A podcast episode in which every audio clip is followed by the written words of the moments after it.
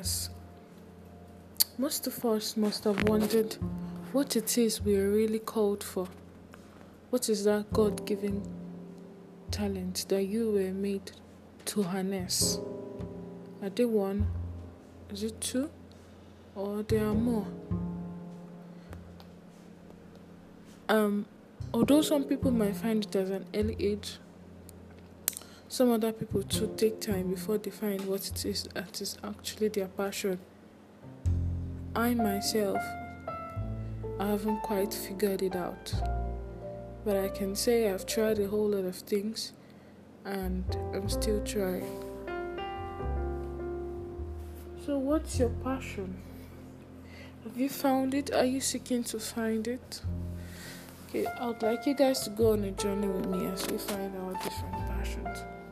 First of all, we'll start with what is passion? What is your passion?